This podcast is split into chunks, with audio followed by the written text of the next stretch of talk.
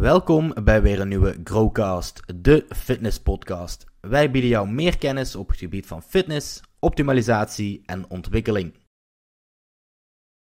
Welkom, Cas. We hebben jou vandaag hier in de studio en ehm, voor de Growcast. En dat is ook met zijn reden, want ehm, ik heb bij jou eh, op de universiteit gezeten uh, van Maastricht. En um, ja, daarin was je mijn uh, professor op het gebied van ja, onder andere uh, ja, spierweefsel um, en wat krachttraining, de adaptaties daarvan deden in het lichaam. En daarom leek me ook heel interessant om met jou een keer een podcast op te nemen. Dus Leuk. heel erg bedankt uh, dat jij hier bent. Wil jij even kort vertellen wie je bent en wat je doet? Je hebt al een beetje verteld. Uh, ik ben een eh, wetenschapper en een docent aan de Universiteit in Maastricht.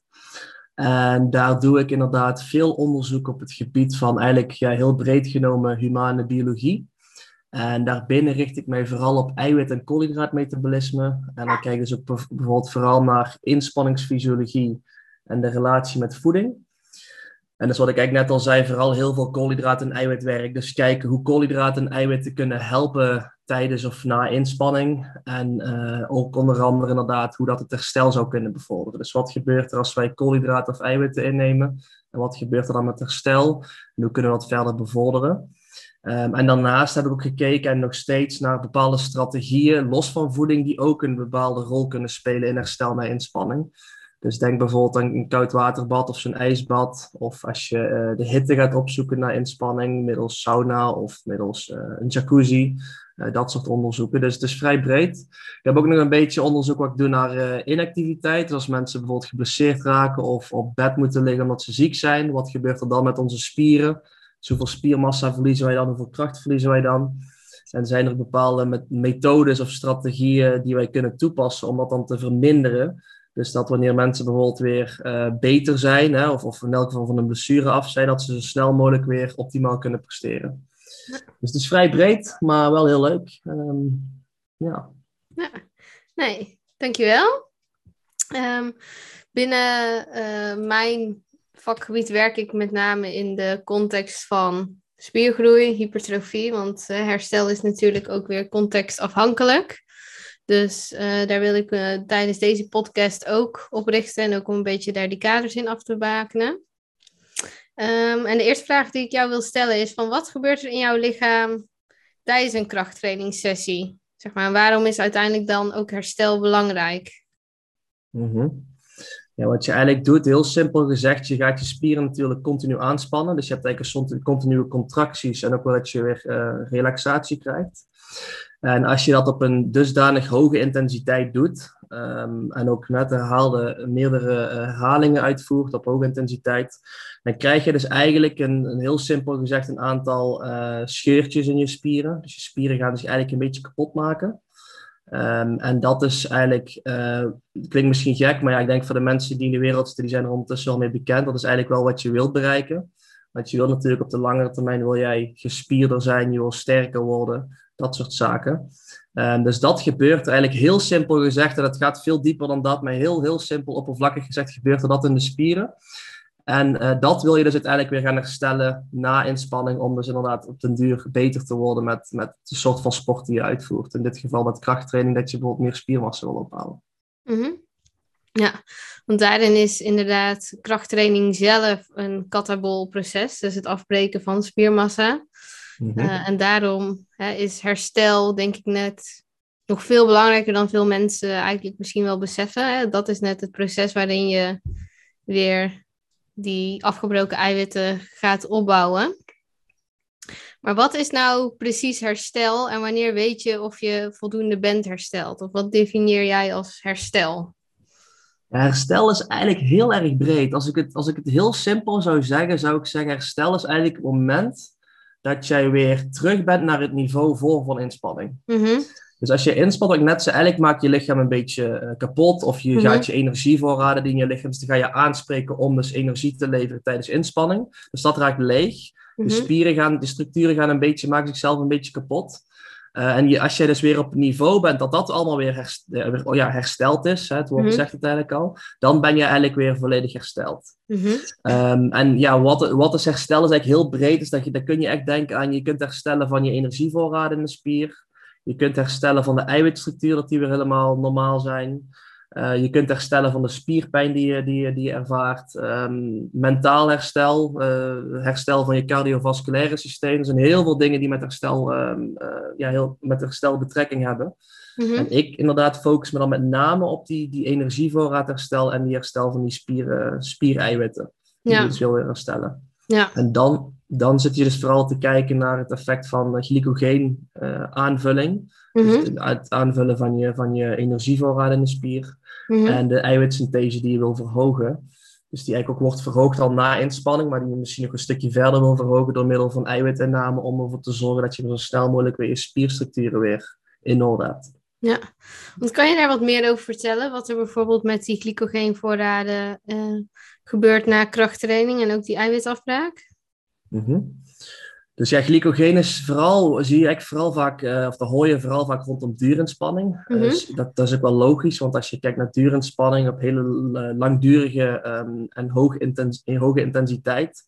Dus uh, als je op langere termijn fietst of, of rent op hoge intensiteit, dan ga je die heel erg aanspreken. Omdat je, je lichaam dan die graag die, die energiebron met name wil gebruiken, omdat die snel, snel energie kan leveren. dus veel sneller dan vet bijvoorbeeld. Uh, met krachttraining um, hoor je het minder, maar het is nog steeds wel, wel belangrijk. Want zeker Mhm. als jij uh, intensief krachttraining doet en ook wat, misschien wat langere sessies, dan ga je echt wel aanzienlijke hoeveelheid van die glycogeen ga je aanspreken. Mhm. Um, of het dan net zo belangrijk is om weer aan te vullen uh, na krachttraining als na duurinspanning, hangt er heel erg vanaf wanneer jij weer krachttraining moet uitvoeren en hoe intensief je bent gegaan, et cetera. Uh, zeker voor mensen die twee keer, twee keer per dag soms uh, bepaalde bodybuilders bijvoorbeeld echt gaan, gaan krachttrainen, kan het nog wel eens belangrijk zijn om het weer een beetje aan te vullen uh, tussendoor. Dat hangt er eens een beetje vanaf. Los daarvan, glycogeen is wel ook gewoon een, een, een bron die je wel graag beschikbaar wilt hebben in je spieren als jij, als jij inspanningen uitvoert. Mhm. Um, en ook over de eiwitten al, Shelly? Of, ja, ja, neem maar mee, inderdaad. Dus als we naar de eiwitten gaan kijken, daar, daar, daar, daar hoor je wel heel vaak met krachttraining dan weer met name. Uh, de eiwitshakes of alle, alle bronnen van eiwitten die worden geadviseerd of ingenomen na inspanning. En wat dan eigenlijk interessant is, dat die eiwitten natuurlijk die worden afgebroken in het lichaam tot aminozuren. Dus elk eiwit bestaat uit verschillende aminozuren. En als die aminozuren beschikbaar komen in jouw bloedbaan, dan gaan die naar jouw spieren toe. En met name leucine is een interessante van, van, van al die aminozuren. Die geeft als het ware een signaal aan de spier. Of die heeft dus bijvoorbeeld van de sleutel om de spieren open te zetten. Om te zeggen van hey, we gaan de machines nou draaien. Want we gaan ervoor zorgen dat al die aminozuren gebruikt worden om die eiwitten weer op te bouwen. Mhm. Dus eigenlijk zorgt die voor het proces dat jij jouw spieren, spiergroeiproces in gang gaat zetten. En dat is dus niet alleen spiergroei, maar ook spierherstel. Dus eiwitsynthese is van, van belang voor zowel het herstellen van beschadigde spieren, dus dat je weer nieuwe structuren aanmaakt.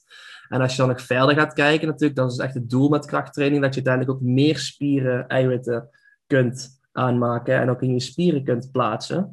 Dus dat je uiteindelijk wat meer spiereiwitten hebt die ervoor gaan zorgen dat je spieren wat groter worden en ook wat sterker. Ja. Ja, want ik denk dat je daar ook wel uh, inderdaad iets goeds uh, benoemt. En je kan bijvoorbeeld wel herstel hebben zonder adaptatie, maar geen adaptatie zonder herstel. Ja, en dat klopt. Uh, het doel is natuurlijk, ja, hè, herstel is wat je al benoemde, eigenlijk weer op het oude niveau waar je was. Hè? Maar ik denk dat voor veel mensen het doel eigenlijk ook is adaptatie. Dus beter worden dan daarvoor. Maar daarvoor moet je dus Mhm. eerst wel voldoende hersteld zijn. Ja, ja, zeker. En in het herstelproces ben je eigenlijk al je adaptatie, dat is eigenlijk, gaat samen. Mhm. Maar het klopt wel, als jij weer op, op precies op het moment, dat is natuurlijk heel moeilijk, dat, dat weet Mhm. eigenlijk niemand. Maar als jij precies weer op het moment zou gaan trainen dat jij net alles weer net hersteld hebt, dan, dan ben je nog op hetzelfde niveau eigenlijk theoretisch zien als je was voor die inspanningssessie. Dus als je net iets meer rust pakt, of nu voldoende rust Mhm. pakt, dan ben je continu ga je jezelf ietsje sterker of, of ietsjes, ietsjes beter maken. Maar uh, dus in principe als je herstel in gang zit, gaat, daar is een samenspel van eiwitsynthese wordt gestimuleerd en je gaat meteen herstellen, je gaat meteen naar het effect van de spieren proberen te laten groeien. Mhm. Maar nee, wat je zegt, in principe heel simpel gezegd, klopt het inderdaad zeker dat je, dat, dat, dat zo is. Dat je herstel kunt hebben zonder adaptatie, maar niet andersom. Ja. Oké, en wat is voor jou, want we hadden het net dus weer over die glycogeenvoorraden aanvullen en ook voldoende eiwitten voor die eiwitsynthese. Wat zijn daarin echt praktische guidelines voor bijvoorbeeld een maaltijd naar je training of wat dan ook? Of voor de rest van de dag? Om dus weer, al, ja, om weer die glycogeenvoorraden aan te vullen en ook voldoende eiwitten binnen te krijgen. Voor een krachtatleet. Ja, voor een krachtatleet, ja. Ja, dus met name als je kijkt naar, uh, is het per maal, moet ik een maaltijd geven of over de dag? Uh, begin maar met de maaltijd. Waarschijnlijk allebei. Als je de vraag stelt, dan krijg je vaak om dit allebei maar. Ja. Uh, maaltijd, wat nu wordt geadviseerd na krachttraining, is om ongeveer 0,3 gram per kilogram lichaamsgewicht na inspanning in te nemen. In dus heel, heel, sorry? Eiwitten heb je het over. Eiwitten, eiwitten ja zeker, eiwitten. Dus inderdaad heel simpel gezegd, als jij 100 kilo weegt, makkelijk ja. rekensom, dan zit je dus op 30 gram eiwit. Ja. Um, en dat is, dat is een beetje um, gebaseerd op wat we dus wel denken. En vroeger was het heel, of ja, het is nog steeds, zie je het vaak, 20 gram is maximaal. Hm. Of, hè, de, dat wordt een beetje gezegd, maar we zijn toch wel eigenlijk ja, als je echt een hele grote bodybuilder bent van, van, van 130 kilo, ga maar zeggen dat jij uh, vier of vijf, zes maaltijden per dag van 20 gram moet eten. Ja, dat gaat niet gebeuren. Ja. Dus we, dat wordt wel gebaseerd op lichaamsgewicht. Um, dus als je dan die 0,3 aan hebt, dat zou theoretisch optimaal moeten zijn om je spiereiwitsynthese, dus het, het acute proces van spiergroei, om dat ja. te, of te maximaliseren. Ja. Ja, want dat is inderdaad wel een vraag die ik nog steeds vraag, vaak krijg. Van, hè, kan je lichaam echt maar maximaal 20 gram eiwitten na, um, ja, in één, of 20 gram eiwitten in één maaltijd opnemen? Ja, op, opnemen vanuit de darm of vanuit de spier? Want dat is vaak het onderscheid op mensen, uh, als, het, als ik die vraag krijg, wat ze niet, niet ja. helemaal weten. Je kunt veel meer opnemen. Dus als jij, uh, je kunt veel meer dan, dan dat opnemen in je lichaam. Alleen dat wordt niet allemaal gebruikt voor spiergroei. Als we dus specifiek gaan kijken naar spiergroei, dus dat acute proces, dan is het dus inderdaad zo rond die, ja, tenminste de studies in, in uh, jonge, gezonde mannen, die lieten dus eigenlijk gewoon normaal, uh, niet tot recreationeel actief. Die lieten eigenlijk zien dat je ongeveer 20, 25 gram bij die, bij die groep maximaal is om je spiergroei te stimuleren. Want als je 40 gram geeft of hoger, zag je over die eerste vier uur zag je geen verschil. Nee. Um, het daar... kan wel poten... Ja? Ik wou zeggen, en dan kijk je echt specifiek naar eiwitsynthese. Uh, want ook wat jij zegt, er wordt misschien wel meer opgenomen. Maar hè, die gaan ook niet nergens heen. Zijn dat dan mm-hmm. misschien eiwitten die ook bijvoorbeeld naar andere processen kunnen gaan, zoals het tegengaan van af, spierafbraak? En daardoor nog ja, steeds wel een anabool effect kunnen hebben daarin? Tegengaan van spierafbraak, dat gebeurt al vrij snel. Dus als je mm insuline maar eigenlijk al een relatief klein beetje omhoog gaat, wat ook gebeurt met eiwitinname en ook met koolhydraatinname, dan, dan heb je eigenlijk al je spiereiwitafbraak over de eerste paar uur eigenlijk uh, maximaal ja, geremd, zover het geremd okay. kan worden. Want het moet natuurlijk altijd een beetje door blijven gaan. Uh, maar het wordt, zeker, ja, het wordt zeker gebruikt voor andere processen. Dus, dus je gebruikt het voor, je kunt het gebruiken zelfs voor het aanmaken van glucose. Uh, voor bepaalde hormonen in je lichaam kan het gebruikt worden. Uh, als je het echt in excess, een, een hele hoge hoeveelheden inneemt, dan ga je een hele hoop ga je daarvan gewoon verbranden. Dus je gaat heel veel, je gaat eigenlijk als het ware de, de stikstofatoom uh, ga je van het molecuul afhalen, daar, want daar kun je eigenlijk niks mee. En die carbonstructuur dan, eventjes een beetje chemisch uitgelegd van, de, van een aminozuur, die kun je ook weer gebruiken, net als koolhydraten of vetten, om eigenlijk te verbranden voor energie.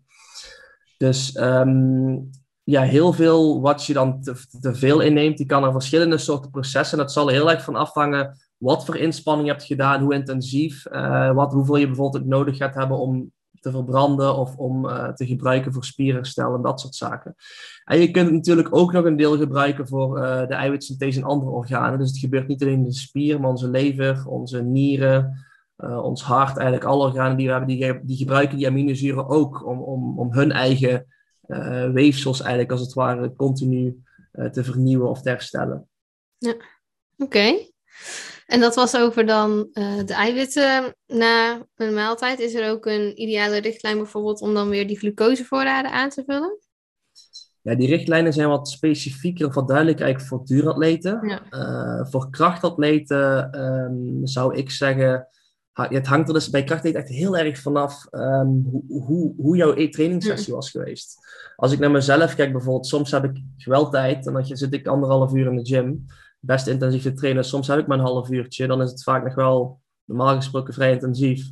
Maar dan ga ik me heel kort. Dan heb ik misschien stok, dan ga ik minder, minder oefeningen doen, minder setjes doen.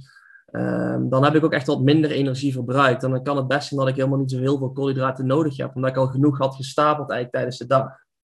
Ja. Dus het hangt een beetje van. Maar ik zou zeggen, als jij, als jij heel intensief traint, uh, voor zeg twee uur zeker, dan kun je, zou ik echt wel een, zeker adviseren als jij die dag erna ook weer gewoon misschien optimaal moet presteren, om dan toch wel wat koolhydraten erbij te pakken. Um, ja, hoeveel is echt, wat ik zei, is heel lastig te zeggen. Hangt heel erg vanaf jou, van jouw trainingssessie, van, van, van de intensiteit, et cetera. En als jij heel kort traint, dan, dan is dat waarschijnlijk zelfs minder relevant. Zeker als jij ook de dag daarna of niet traint, of, een, ja, of dat tussendoor genoeg weer uh, normale maaltijden eet met koolhydraten. Dus ik denk aan pasta, rijst, boterhammen, dat soort zaken, of bananen misschien. Dan heb je het al vrij snel toch wel redelijk aangevuld. Ja. Oké, en uh, het macronutriënt vet, is dat ook nog relevant voor krachtsporters om optimaal te herstellen? Um, nou, wat wel interessant is aan vet, is de omega-3's. Uh, die hoor ik, zie ik steeds meer over, wordt nou steeds meer onderzoek naar gedaan. Dus eigenlijk de, de, de, de mm -hmm. olie of de, de, de vetzuur uit, van vis. Um, die zijn potentieel wel interessant. En nu op dit moment met name denken wij in, uh, bij, bij oudere mensen wel. Want in de jongeren zien we het nog niet zo heel sterk. Mm -hmm. Maar wat dat lijkt te doen, is als jij uh, visolie inneemt. Uh, we denken dat dat inderdaad, of we, we, zien eigenlijk zelfs dat de structuur rondom jouw, jouw cellen in je lichaam, dus denk aan jouw spiercellen ook, dat die buitenkant, dus de buitenlaag van de cellen, dat, dat, dat, daar, dat daarin verwerkt kan worden. Want we weten dat die buitenlaag van die cellen, die is eigenlijk gemaakt van vetten. En dat je, als jij die visolievetten erin kunt verwerken, dat lijkt positief te zijn. Niet alleen voor gezondheid, maar ook voor de, de, de celfunctie zelf. En dat zou ook potentieel een positief effect kunnen hebben op spiergroei op de langere termijn. Nogmaals, dat zien we vooral bij oudere mensen. Uh, bij jongeren is dat nog niet zo sterk bewezen, maar dat zou potentieel wel ook een interessante kunnen zijn, omdat gewoon, zeg je, ja, het advies is geloof ik twee keer per week vette vis te eten, of misschien af en toe van die supplementen te pakken, omdat dat wel dus potentieel een positief effect kan hebben rondom, het, rondom training. Ja. De andere vet is, ja zeg maar. En daarin had ik inderdaad ook wel begrepen dat bijvoorbeeld uh, omega-3's een ja, positief effect kunnen hebben op bijvoorbeeld testosteron. Zou -hmm. Via die pathway dan ja, ook positief... Kunnen, ja. ja positief. Sowieso natuurlijk, als je naar testosteron kijkt, dat is natuurlijk ook een, een structuur die ja, gebaseerd is op, vanuit vet eigenlijk. Als we ja. vet, vette producten als boter zelfs, wat vaak zit eten, is allemaal natuurlijk een soort van precursor om uiteindelijk testosteron aan te kunnen maken. Dus in dat opzicht is vetten zeker ook belangrijk. Er zijn minder sterke richtlijnen over, omdat we niet zozeer denken dat het heel belangrijk is om direct na inspanning te eten als herstel. Het is ook niet ja. slecht om het dan te pakken, maar niet per se nodig. Maar dat je wel gewoon door de dag heen in je dieet voldoende vet moet, moet hebben. Om dus onder andere ook je hormonen inderdaad uh, op, op goede, goede balans te kunnen houden. Ja. Los van slaap ook heel belangrijk op dat soort uh, effecten is. Maar dat is weer een ander, ander verhaal aan de voeding. Ja. Ja, want dat is inderdaad, denk ik ook wel goed om even naar uit te werken. We hebben het nou inderdaad heel erg over voeding. Maar wat is volgens jou nog meer belangrijk voor herstel en in welke volgorde? Dus wat is voor jou, in jouw opinie, zeg maar, het meest belangrijke en wat volgt daarna?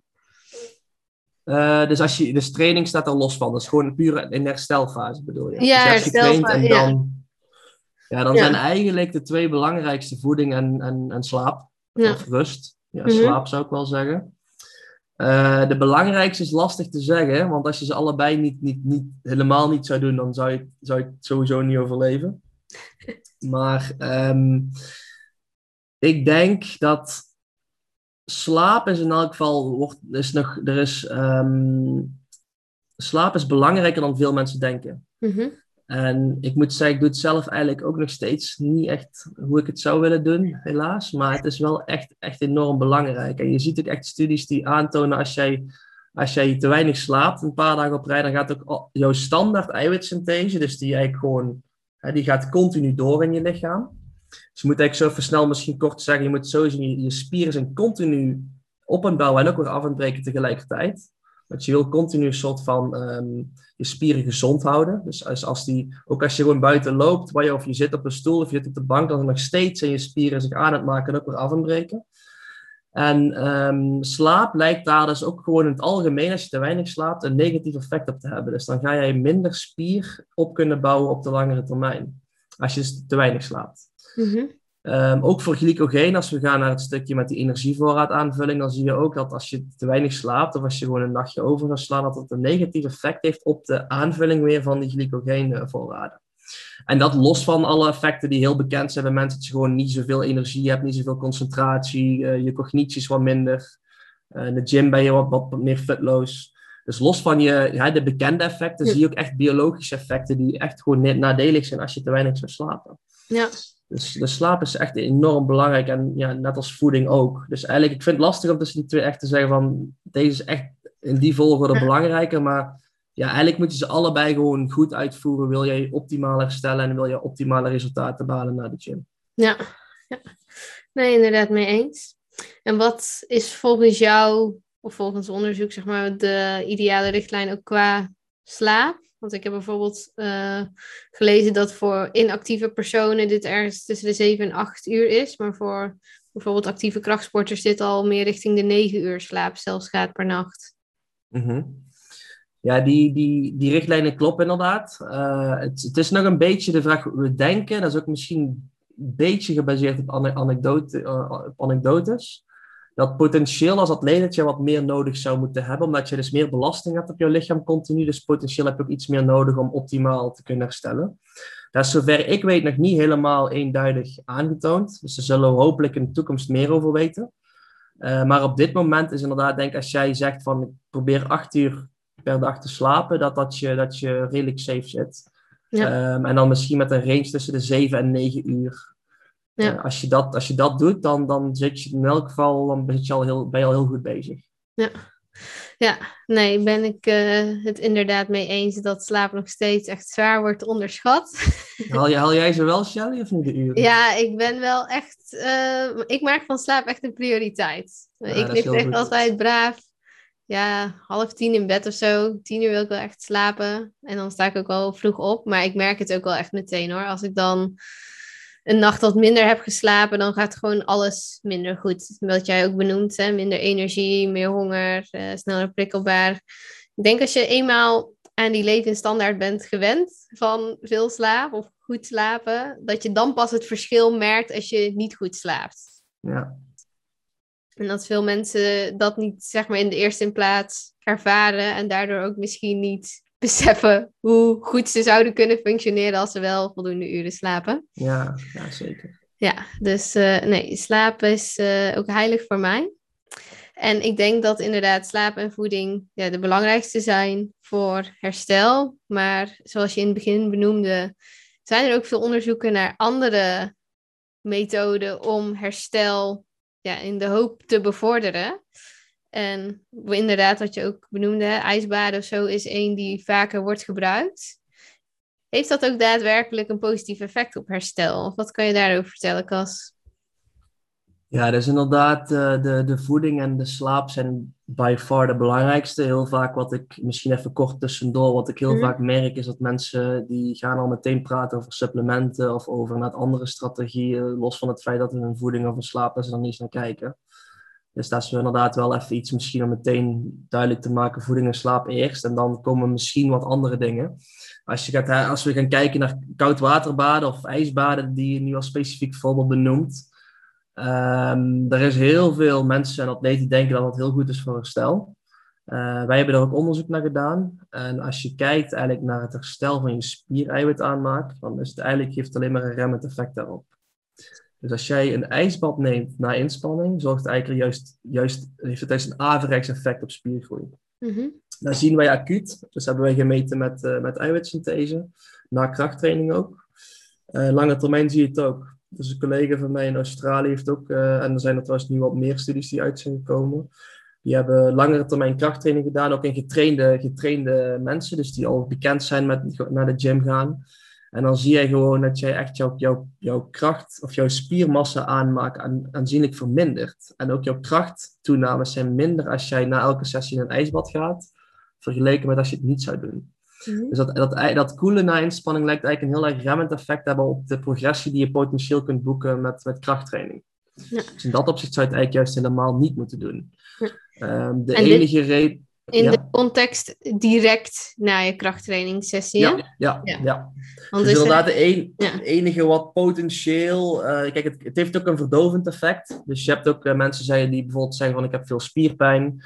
Dan zou je krachttraining of dan zou je een ijsbad kunnen toepassen om dat te verdoven. Dus kijk, logisch, hè, als je je vinger op een, eh, op een hete plaat legt en die verbrandt, dan doe je hem onder de koude kraan en daarna voel je het een stuk minder, omdat je het gewoon eigenlijk een beetje lokaal verdooft. Maar ehm, ja, goed, aan de andere kant, massage heeft dat effect ook. En potentieel niet de negatieve effect van een ijsbad op je spiergroeiproces. Dus dan denk ik van, oké, moet je dan een ijsbad pakken? Misschien. Maar je kunt misschien ook een andere strategie denken, die ook wat minder nadelig zijn op andere processen die je ook optimaal wilt houden. Eh, dus in dat opzicht van krachttrainen zie ik eigenlijk niet zo heel veel nut van, van, van, van een ijsbad. Ja. Eh, misschien nog één ander puntje. Sommige mensen zeggen bijvoorbeeld dat zij ehm, eh, beter slapen als zij een koude douche pakken of als zij in een koud bad gaan. Ja, kijk, aan de andere kant, als je je slaap weer kunt verbeteren, als je misschien een slechte slaper bent, zoals ik, en je gaat in een ijsbad of in een koude douche, dan, dan zou het misschien wel daar een positief effect indirect op kunnen hebben en dus wel een beetje kunnen helpen en herstel. Maar dan zou ik het inderdaad zeker niet, niet doen na, na uitvoeren van een krachttrainingssessie. En dan zou ik eerst maar eens kijken of het echt wel zo is dat dat ijsbad jou gaat helpen met bijvoorbeeld slaap. Ik bedoel, er zijn wat studies daarover zijn helemaal niet zo duidelijk. Er zijn wel wat mensen die ik ooit hoor zeggen van ja, ik slaap echt veel beter als ik daarna even flink afgekoeld ben of zo. Maar dat is misschien een beetje per persoon eh, eh, Ja. individu- individueel wat je dan moet bepalen. Ja, want dat zou ik eigenlijk ook zeggen dat dat net averechts is. Want als jij een koude douche neemt, dan gaat jouw lichaam daarna weer proberen op te warmen. En als je Mhm. wil slapen, dan wil je eigenlijk net dat jouw lichaamstemperatuur zakt. Dus eh, wat ik zeg maar weet, is dat je het best eigenlijk voor je gaat slapen een warme douche bijvoorbeeld kan nemen. Zodat jouw lichaam ook meer in een geruste toestand komt, hè, meer ontspannen. Want ook als je een koude douche gaat nemen, ja, ik doe dat iedere ochtend, want dan ben ik meteen aan en wakker. Ja. Dus dan zou ik net denken dat het averechts ook op je slaap werkt. Maar het kan inderdaad misschien ook een beetje placebo zijn of heel Ja, het zou heel goed, maar precies wat je zegt. Ik hoor ook een hoop mensen zeggen van ik pak hem juist 's morgens om wakker te worden. Ja. Of ik gooi je, ja, net als het idee van dat je gewoon koud water in je gezicht gooit voordat je Ja. opstaat. Of eh, na, net nadat je opstaat. Ja, Ehm, ja, dat is wat ik zei. Ik, hoor, ik, ik hoor het van eigenlijk twee kanten. En het, ik, wat, wat je zegt, ik denk dat er ook echt wel een groot deel placebo-effect aan zit. En we weten ook eigenlijk dat, dat een ijsbad in het algemeen eh, tot placebo-effecten eh, kan leiden. Want studies hebben dat ook onderzocht. Dat als je een ijsbad neemt, dat het kan leiden tot een, dat, dat je denkt dat je bepaalde voordelen hebt. Maar wat eigenlijk gewoon puur toe te schrijven is een placebo-effect. Je denkt dat je die effect hebt omdat je denkt dat een ijsbad werkt, maar eigenlijk fysiologisch gezien doet het helemaal niks. Nee. Tenminste, doet wel iets, maar niet, niet iets wat, wat tot die positieve effecten zou moeten leiden. Ja, nee. Oké, ja, dat is ook echt een ding, eh, dat placebo-effect, hè? Ja, Ja, maar oké, ja, het, is, dit was... het is stiekem vrij sterk. Ik heb wel eens met sportorganisaties gesproken, die ging toen ook over ijsbaden. En die, ehm, daar legde ik dus uit wat het in het lichaam zou doen. En toen zei hun tegen mij, van, waar het was de, een professionele voetbalclub in dit geval.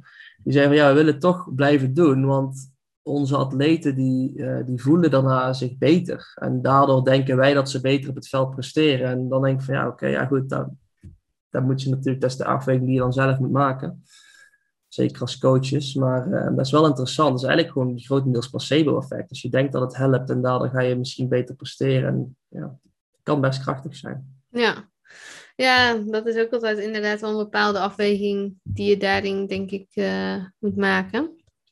Maar als ik in de ochtend mijn koude douche neem, dan hoef ik geen eh, bang te hebben dat het mijn eiwitsynthese remt later op de dag als ik ga trainen. Nee, ik denk een koude douche sowieso niet. Die zijn allemaal stralen, dus dat, dat, gaat, Ja, dat gaat op je lichaam. Dat koelt lokaal even je huid een beetje af en daarna is het weer, weer weg. Eh, als je echt langdurig in een, in een ijs, ijsbad gaat liggen, dan heb je natuurlijk continu eh, koeling en continu dat jouw hitte wordt afgevoerd van jouw lichaam. Ja. Met de koude douche is mij een relatief kort, kort effect. Ja. Eh, plus ik ga er niet vanuit dat jij een half uur onder de koude douche gaat staan, 's morgens vroeg. Dus, eh, nee, nee. dus die Dat- die maakt ook nog wel wat uit, ja. Ja, oké. Je benoemde inderdaad ook eh, naast bijvoorbeeld cold exposure, bijvoorbeeld effect van massage. Want wat zijn daar de mogelijke voordelen van? Eh, ja, massage laat ook eigenlijk wel eh, vrij duidelijk zien in de literatuur dat je daarmee jouw spierpijn wat kunt verminderen. En ook de, ehm, de, de verzuring als het ware. Dus dat zou potentieel daar effect op kunnen hebben. Uh, massage heeft ook wat algemene hè, relax, relaxatie-effecten. Je voelt je altijd een beetje uitgerust en uh, is meer een beetje vanuit het zenuwstelsel zou het positief kunnen zijn. Um, als je puur gaat kijken weer naar de, naar de spieren, dus de spieren zelf, uh, er wordt nu eigenlijk best veel onderzoek naar gedaan om te kijken wat de effecten van massage op je spieren zijn, omdat het eigenlijk nog vrij, vrij weinig over bekend is. Uh, je kent natuurlijk een beetje frictie van het masseren, dus je kunt een beetje lokale verhitting of verwarming krijgen ook weer van je, van je huid en potentieel oppervlakkig in de spieren, afhankelijk van hoe diep en hoe, hoe, hoe stevig je masseert. Um, op de spierdoorbloeding zijn niet zoveel dingen bekend en lijkt het niet zo'n groot effect te hebben, maar zal waarschijnlijk weer afhangen van hoe intensief, hoe lang, et cetera, jij je massage uitvoert. Uh, maar als je puur kijkt naar het, naar het, masseren, dus het continu de, de druk eigenlijk op de spieren zelf, tenminste dit is een diermodellen mm laten zien, dan zou dat een soort van uh, positief effect kunnen hebben om ook bepaalde biologische processen in je spiercellen uh, te activeren, die ook weer goed zouden kunnen zijn voor spiergroei. Alleen, ik denk niet zozeer dat het, en zeker die dierenstudies laten ook niet zozeer zien dat het, dat het een rust positief is, maar meer als een, als een dier bijvoorbeeld, ja, dat is dan nogmaals een diermodel, maar als je het idee gaat nabootsen van, een, van het breken van een been bijvoorbeeld, je, zit in, je bent geïmmobiliseerd, en je zit in een kast, of in een, uh, hoe noem je het, in een, in het gips. Ja. Als je dan masseert, zou dat potentieel een effect kunnen hebben om weer sneller terug te komen naar normaal. Maar nogmaals, ik moet hier een hele belangrijke kanttekening bij plaatsen. Het is een diermodellen laten zien. Dat is nog niet aangetoond in mensen. En het is zeker niet altijd zoals het een dierenmodel laat zien dat het de mensen te vertalen is. Dus de vraag is heel sterk nou, is dit ook echt inderdaad iets wat in mensen gebeurt als je het in mensen zou toepassen? Daar wordt hopelijk, ik weet dat er nu nog steeds dierstudies gedaan worden in, in deze richting. En hopelijk ook meer studies in, in mensen in de toekomst om te kijken of dat daadwerkelijk zo, zo is. Ik geloof niet dat masseren op zichzelf een, een heel duidelijk anabool effect gaat hebben op, op spiergroei zelf. Maar het zou misschien wel dus nogmaals de spierpijn wat kunnen verminderen na inspanning en potentieel hier en daar wat positieve effecten kunnen hebben. Ja. Oké, ja, want ik denk dat dat ook nog wel een puntje is waar we uh, even naar kunnen kijken. En wat je ook dus nou door die massage benoemde, spierpijn. Want wat zegt uh, spierpijn eigenlijk over herstel? Um, dat is een goede vraag. Wat spierpijn eigenlijk, het, wat het, eigenlijk het idee is van spierpijn, als jij dus jouw spieren beschadigt, dan krijg je een soort mhm. van um, inflammatie, en ontstekingsreacties rondom de spier. Om eigenlijk ervoor te zorgen dat alles weer gerepareerd wordt. Het is eigenlijk een heel samenspel van allerlei mechanismes en systemen in je lichaam die geactiveerd worden om te zorgen dat jij weer kunt herstellen. Um, wat, wat je dus krijgt, als je dus al die, die ontstekingsfactoren daar krijgt, dan krijg je ook dat de, de, de, wat we noemen de nociceptoren worden geactiveerd. Een soort van zenuwuiteindes die daar rondom dat gebied zitten. En die geven eigenlijk een signaal aan onze hersenen door van hier is iets, hier iets, iets niet goed. Er wordt van alles gerepareerd, dus het doet hier ook pijn, want we moeten het even hier een beetje rustig houden. Dus je krijgt natuurlijk dat het een beetje stijf aanvoelt. Dus natuurlijk heeft te maken met het kapotmaken van die spierstructuren. Maar ook dat je pijn krijgt, omdat er eigenlijk automatisch van zo je lichaam gaat zeggen van daar even rustig aan doen. Dus in dat opzicht zegt spierpijn wel iets over, um, als het dus ermee wel weg is, dat je weer eigenlijk zou kunnen trainen. Um, is het de allerbeste leidraad, vind ik moeilijk te zeggen. Want het kan best zijn dat als je nog een beetje spierpijn ervaart, dat je eigenlijk alweer prima goed zou kunnen trainen. Uh, maar ja, je zou het zeker voor, voor beginners uh, die, die net beginnen met trainen, want je merkt vaak als je begint met sporten, de eerste keer ga je flink squatten of wat dan ook doen, dan heb je echt heel veel spierpijn die dagen daarna. Als je gevorderd bent, dan gaat dat heel snel, dat proces. Dan, ben je, dan heb je, sommigen hebben niet eens meer spierpijn of het is heel licht, dus na een dag wel weg. Um, als je dan weer vol twee weken die, die, die, oefeningen niet doet en dan weer gaat doen, dan voel je die spierpijn, die komt dan weer terug. Dus um, ja, ik denk dat het op zich ik weet niet of, het, of je het echt biologisch helemaal kunt zeggen van het is het beste om te gebruiken. Uh, maar ik denk dat het wel een leidraad zou kunnen zijn voor wat mensen om te kijken. Als mijn spierpijn weg is, dan kan ik tenminste fatsoenlijk trainen. Maar nogmaals, het wil niet zeggen als je een beetje spierpijn hebt, dat je dan echt absoluut niet zou kunnen trainen. Want dan zou je misschien iets kapot maken. Daar, daar hoeft het ook echt niet altijd zo te zijn. Ja. je kunt het wel een beetje rekening mee houden als je het hebt dat je misschien te zwaar gaat, uh, gaat sporten. Ja. ja, dat is ook wat ik meestal inderdaad meegeef. Van bij lichte spierpijn ga eerst eens gewoon opwarmen en meestal gaat het dan al weg.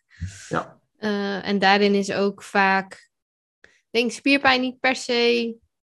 ehm, spierpijn treedt meestal zeg maar ook op als je bijvoorbeeld een nieuwe oefening of zo gaat doen. Hè? Dus eh, daarin dan vraag ik me ook af, is het dan ook altijd spierschade wat daadwerkelijk is opgetreden? Of is het ook bijvoorbeeld omdat je een nieuwe prikkel toedient aan je Mhm. spieren? Hoe kijk jij daarnaar?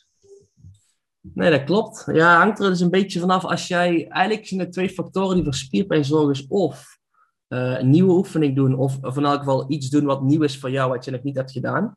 Dus als jij nooit rent buiten, je gaat ineens flink rennen, dan krijg je daar ook flinke spierpijn van in, in bepaalde spieren in je lichaam die je dan heel veel gebruikt. Of het is dat jij een bepaalde oefening waar je misschien wel gewend bent, maar die ga je ineens enorm intensief uitvoeren en dan krijg je ook spierpijn van. Dus dan ga je juist nog meer die spier belasten dan dat je lichaam gewend is. En dan krijg je ook spierpijn eh, daarvan. Ja. Ehm, dan moet ik heel even terug. Shelly, wat was eigenlijk specifiek de vraag? Ja, inderdaad. Of dan eh, spierpijn zeg maar altijd het gevolg is van daadwerkelijk eh, spierschade of spierafbraak. Of dat het dus Ja. ook door gewoon een nieuwe prikkel kan zijn. En dat, Nee, dat- ik denk, denk het wel. Het kan ook zijn als je net een nieuwe oefening, dat je net weer een paar andere spieren. Je hebt dan zo ontzettend veel spieren in je lichaam. Ja. Dat je net weer een aantal andere spieren eromheen gaat, meer gaat activeren dan normaal. En die krijgen dan meer intensiteit erop staan. Dus dan krijg je daar wel weer een beetje die, die, die ontstekingsreacties en de spierpijn die daarin optreedt. Natuurlijk, jij, jij voelt gewoon in je. Kijk, ik kan in mijn bovenbeen spierpijn ervaren, maar er zitten zoveel verschillende spieren in mijn bovenbeen. Ik kan nooit precies zeggen van welke het afkomt. Als je net weer met een bepaalde oefening legt op bepaalde spieren, dan, dan kun je daar dus ook weer spierpijn van ervaren. Die er eigenlijk te maken heeft met het feit dat je net een andere prikkel geeft middels een andere oefening. Ook Mhm. aan misschien net iets andere spiergroepen. Ja. En ik zeg daarin eh, ook meestal ja, in het begin zal je ook vaak meer spierpijn ervaren. Zeker als je een nieuw trainingsschema begint en je bent inderdaad misschien nog beginner qua krachttraining of wat dan ook. Maar naarmate je gevorderder wordt, zie ik het wel meer als streven eigenlijk ook zo minimaal mogelijk spierpijn ervaren. Want dat is eigenlijk een teken dat je je herstelfactoren goed op orde hebt. Ook bijvoorbeeld niet te veel volume draait. Want ja, als jij ook bijvoorbeeld te hard traint, waar je überhaupt niet van kan herstellen, ja, dan moet je daar toch ook naar gaan kijken. En daarin is het denk ik ook belangrijk om eh, te kijken ja, welk trainingsvolume je maximaal van kan herstellen. En zo beredeneer ik ook altijd. Hè. Je kan eh, wel met heel hoog trainingsvolume gaan starten, maar als jij er niet van kan herstellen, ja, dan heeft het ten eerste ook geen zin. Dus wat je uiteindelijk kan doen, wordt vooral bepaald door jouw herstelfactoren. Maar ehm, ja, hè, naarmate je gevorderder wordt, geeft dus ook mee van je wil eigenlijk minimale spierpijn hebben. Want dat betekent dus dat je er goed van aan het herstellen bent. Maar je wordt als het, eh, wat ik dus heb begrepen, ook efficiënter. Bijvoorbeeld in herstel. Dus bijvoorbeeld dat je ehm, ja, beter weer die eiwitsynthese regenereert. En ook minder, spierma- of ja, ehm, meer, minder spiermassa afbreekt. Is dat ook zo, naarmate je gevorderder wordt? Dat die processen in jouw lichaam ook efficiënter worden? Of blijft dat best wel stabiel? Eh, ja, het wordt wat efficiënter. Het is ook wel echt zo, kijk, je, je moet bijvoorbeeld als je naar eiwitsynthese kijkt, eh, wat we nu denken, als jij eh, de eerste keer traint, eh, dan ga jij een hele hoge eiwitsynthese krijgen. Dus echt, echt gaat ex- extreem omhoog. En heeft met name ook te maken omdat je dan een stuk echt heel veel schade krijgt in je spieren. En dan wordt een heel groot deel ook echt gebruikt om die schade te herstellen. En de andere deel wordt dan als gebruikt om de spiergroei te bewerkstelligen. Als jij beter inderdaad getraind bent, dan ben je inderdaad wat je zegt eigenlijk efficiënter. Dus je hebt sowieso minder schade, minder spierpijn. Ondanks dat je wel gewoon, hè, gewoon een goede trainingssessie hebt uitgevoerd. Even daarvan uitgaan. En Maar je eiwitsynthese gaat ook minder omhoog. Dus misschien zou je dan denken, oké, je eiwit is minder hoog, dus je bent misschien, ehm, ja, er gebeurt gewoon minder. Maar het is inderdaad proberen wat meer daarvan gaat al direct door naar het effect van spiergroei. Dus inderdaad, er valt wel iets van te zeggen dat jij efficiënter wordt als jij, eh, naarmate je langer traint. Ja. Op meerdere vlakken, waaronder ook op spiergroei. Ja. Ja, nee, dus ja, ik zie dan, zeg maar, hè, eh, ja, als je dan adaptatie als streven hebt, als jij minimale spierpijn hebt, maar jij merkt wel dat je bijvoorbeeld progressie maakt in de gym, dan is dat dus ook een teken dat jij wel daadwerkelijk sterker aan het worden bent, omdat jij dus steeds beter tegen die prikkel kan. En dan Mhm. weet je van, oh ja, ik ben iets daadwerkelijks aan het opbouwen. Dus ik zie ook spierpijn zeker niet als een indicatie van een goede training of wat dan ook. Want in de ideale situatie zie ik het als, eigenlijk wil je minimaal spierpijn hebben.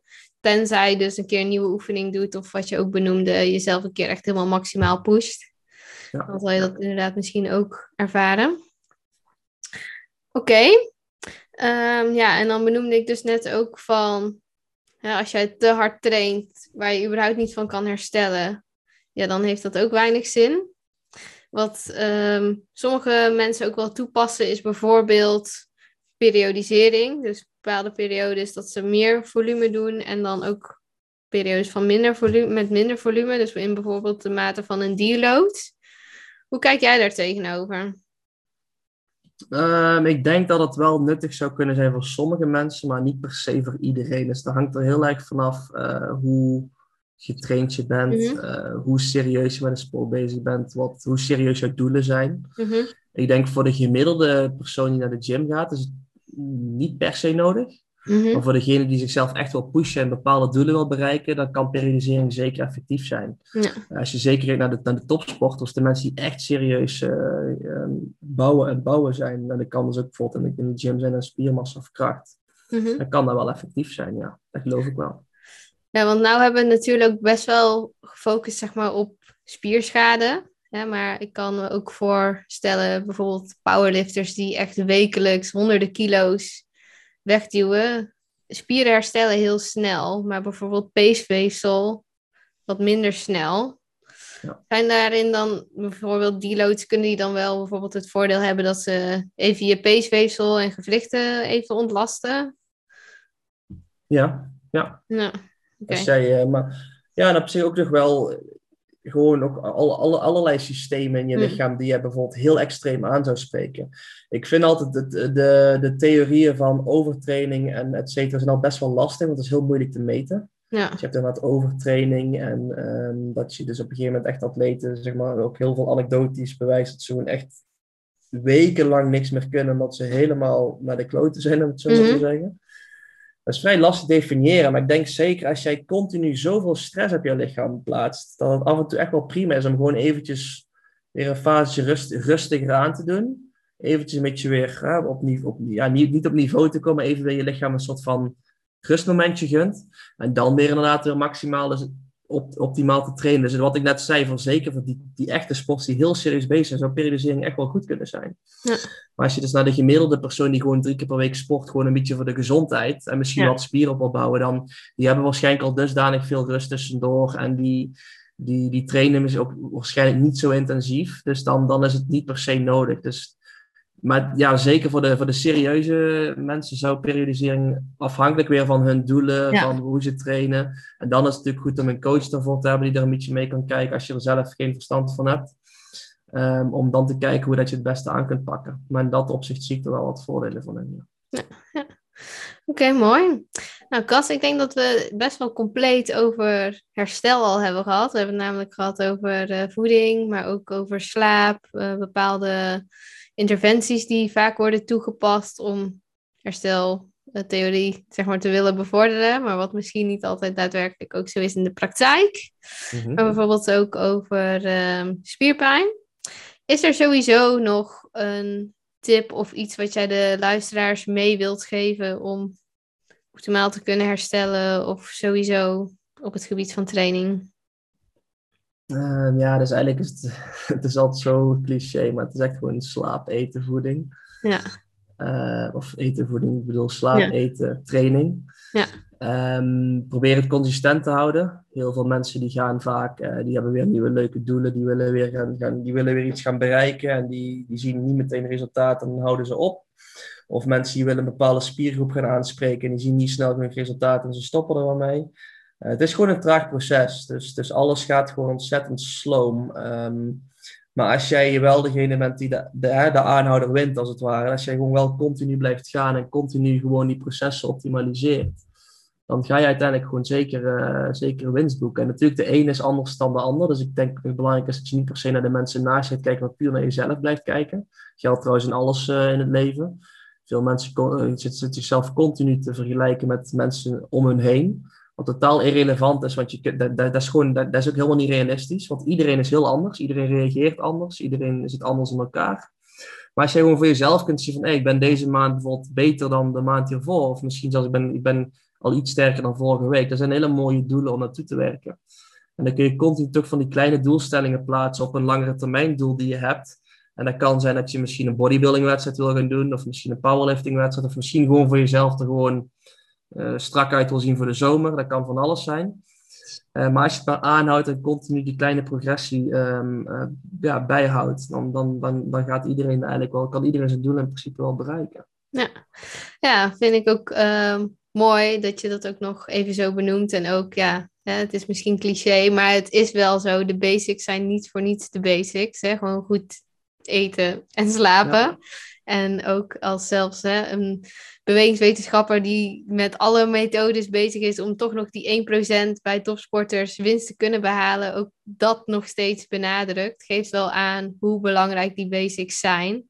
En ik denk ja. dat inderdaad mensen gewoon te snel al willen grijpen naar, oh, welk supplement kan ik nog nemen? Of uh, hè, moet ik inderdaad uh, koud douchen na het sporten, in plaats van gewoon eerst goed die basis op orde hebben. Uh, ja, ja dus helemaal daar... mee, eens. En het grappige is vaak, kijk, omdat, omdat die basics zijn vrij bekend, maar die kleine ja. details nog niet. Er wordt veel onderzoek naar gedaan, dat doe ik onder andere inderdaad aan mee. En als daar dan een heel interessant resultaat uit komt, dan krijgt daar vol, volle bak media-attentie. Dus dan komt dan voor, hey, dit supplement heeft een effect hierop. Wordt helemaal opgeblazen. Denkt iedereen van, oh, als ik dit, dat klinkt bijna van als ik dit supplement nou eet, dan ga ik in de volgende week ben ik twee kilo spier aangekomen. Ja. Maar dat zijn gewoon puur die hele kleine details die met name ook heel vaak juist voor die topsporters heel relevant zijn. En niet zozeer voor de mensen die recreationeel naar de gym of naar de sportschool toe gaan. Nee. Dus het zijn echt vaak de, de, details dan, maar die details zijn pas relevant als jij de basics gewoon helemaal goed, goed op orde hebt staan. En dat is bij heel veel mensen niet het geval. En bij mezelf op dit moment dus ook niet, want mijn slaap bijvoorbeeld aanzienlijk beter. Maar um, ja goed, mijn doel is op dit moment ook niet echt, uh, het is gewoon fit blijven. Maar um, omdat mijn doel meer met werk zit op dit moment. Maar ja goed, dus, dus voor heel veel mensen geldt eigenlijk gewoon hetzelfde. Ja, nee. Mooi dat je dat inderdaad nog zo benoemt. Heel erg bedankt, uh, Kas. Ik vond het een uh, superleuk gesprek. Heel uh, leerzaam ook weer.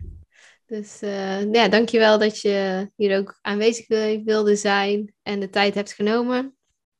Graag gedaan, was leuk. Zeker weten. Ja, Goed je weer te zien. Ja, mee eens. Ja, heel erg bedankt. En dan ja, sluiten we ook hierbij de podcast af. Um, ik zal ook even het